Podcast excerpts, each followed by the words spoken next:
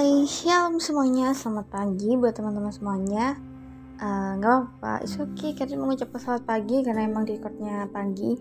Dan buat teman-teman yang mendengarkan di waktu malam, selamat malam. Mendengarkan sore juga selamat sore. Oke oke guys, oke aku Karin akan membawakan renungan kita, renungan harian kita di Live for God Community. Oke guys, sebelum itu mari kita mulai dengan berdoa terlebih dahulu renungan kita dapat berjalan dengan lancar sampai akhirnya. Oke, mari kita satukan hati, kita berdoa. Bapa yang bertata dalam kerajaan surga, dikuduskanlah namamu, datanglah kerajaanmu, jadilah kehendakmu di bumi seperti di surga. Tuhan, ampuni segala dosa kesalahan kami, apa pun yang kiranya kami perbuat yang kiranya tidak berkenan di hadapan Tuhan, kami memohon ampun kepada Tuhan. Tuntun kami Bapa untuk selalu menjadi anak-anak yang takut akan Engkau, selalu taat, selalu patuh dengan apa yang seharusnya kami lakukan yang berkenan di hadapanmu Bapa. Di mana pun kami berada saat ini, apa pun keadaan kami, kiranya penyertaanmu selalu ada untuk kami Bapa, karena kami yakin dan percaya Engkau Tuhan yang Maha Kuasa, Engkau Tuhan yang sanggup memulihkan setiap kami menyertai kami Bapa. Sebentar kami akan merenungkan kebenaran firman-Mu. Kiranya kau sucikan kuduskan hati kami Bapa. Biarlah apa yang kami terima apa yang kami sampaikan dapat menjadi berkat dapat menjadi buah dalam kehidupan kami sehari-hari. Kami serahkan renungan ini dari awal pertengahan hingga akhirnya nanti hanya dalam nama Tuhan Yesus Haleluya. Amin. Oke guys hari ini aku akan uh, membawakan renungan kita. Aku akan memberikan tema yaitu ada Tuhan yang turut berperang uh, di sini aku membawakan Mazmur 61 ayat 4. Demikian bunyi firman Tuhan. Sungguh engkau telah menjadi tempat perlindunganku, menara yang kuat terhadap musuh. Amin. Nah, medan perang adalah suatu tempat yang sangat tidak enak, penuh ketegangan, kegentaran, kengerian. Semua orang yang terlibat dalam peperangan tuh pasti dihantui rasa takut, rasa uh, kayak dikejar-kejar sama maut. Begitu pula kehidupan orang percaya.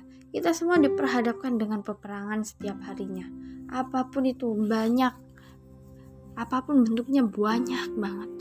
Salah satu peperangan adalah perang menghadapi masalah dan pergumulan hidup. Iya nggak? Siapa sih di antara kita yang nggak punya pergumulan hidup? Aku yakin 0 dari 100% tuh nggak ada kok nol dari 100% no satu pun dari 100% gak ada. Pasti semua orang punya masalah. Meskipun berada dalam situasi yang berat jangan pernah ada dalam kamus hidup kita kata-kata menyerah dan berhenti berjuang.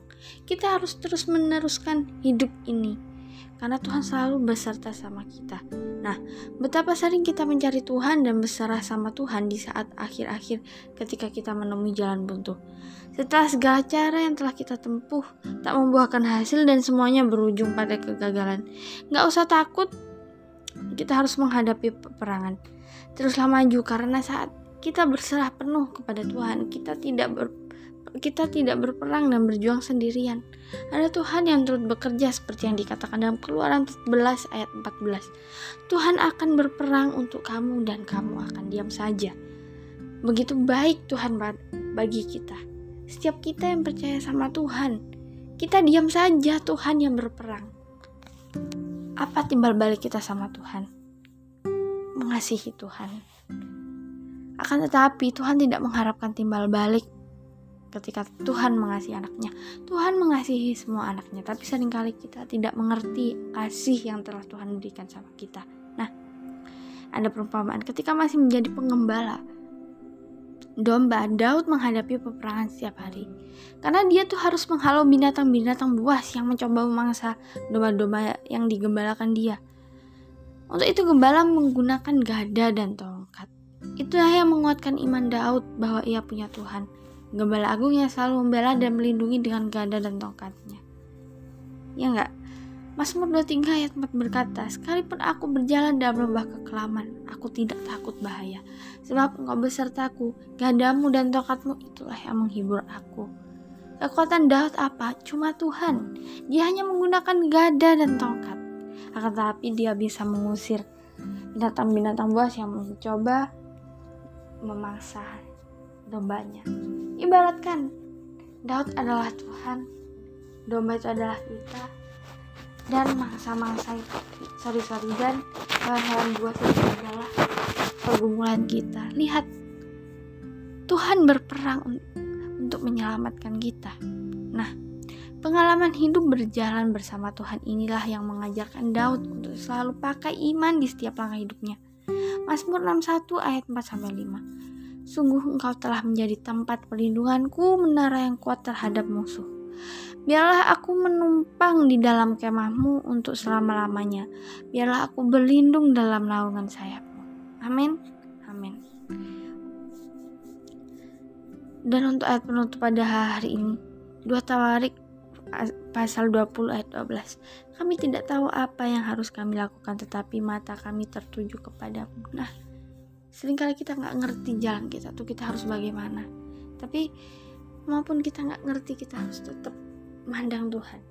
Kita harus tetap ikut alurnya Tuhan. Meskipun alur itu susah untuk dimengerti. Karena apa?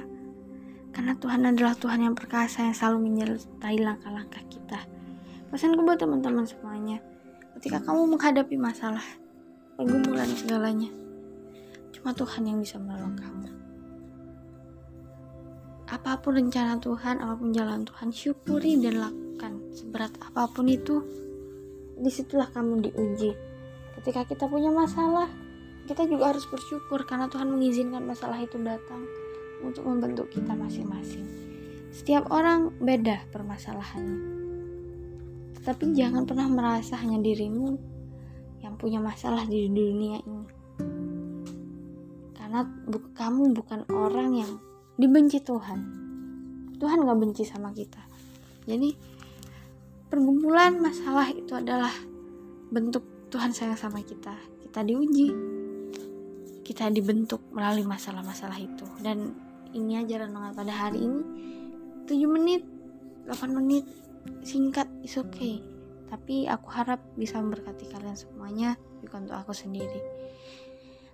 Oke okay guys terima kasih yang sudah mendengarkan aku tutup dengan doa Bapak terima kasih penyertaanmu, perlindunganmu selalu ada untuk kami. Kami telah selesai berbicara dan kami telah selesai untuk mendengarkan. Biarlah firman hari ini dapat menjadi berkat untuk kami di mana pun kami berada saat ini, apa pun keadaan kami, apa pun status kami, permasalahan kami, pergumulan kami, kami serahkan dalam nama Tuhan Yesus Kristus kami akan percaya dengan bergandengan padamu kami akan dapat melangkah maju ke ini adalah seruan kami hanya dalam nama Tuhan Yesus ya. Amin. Thank you guys. God bless you all. Selamat beraktivitas.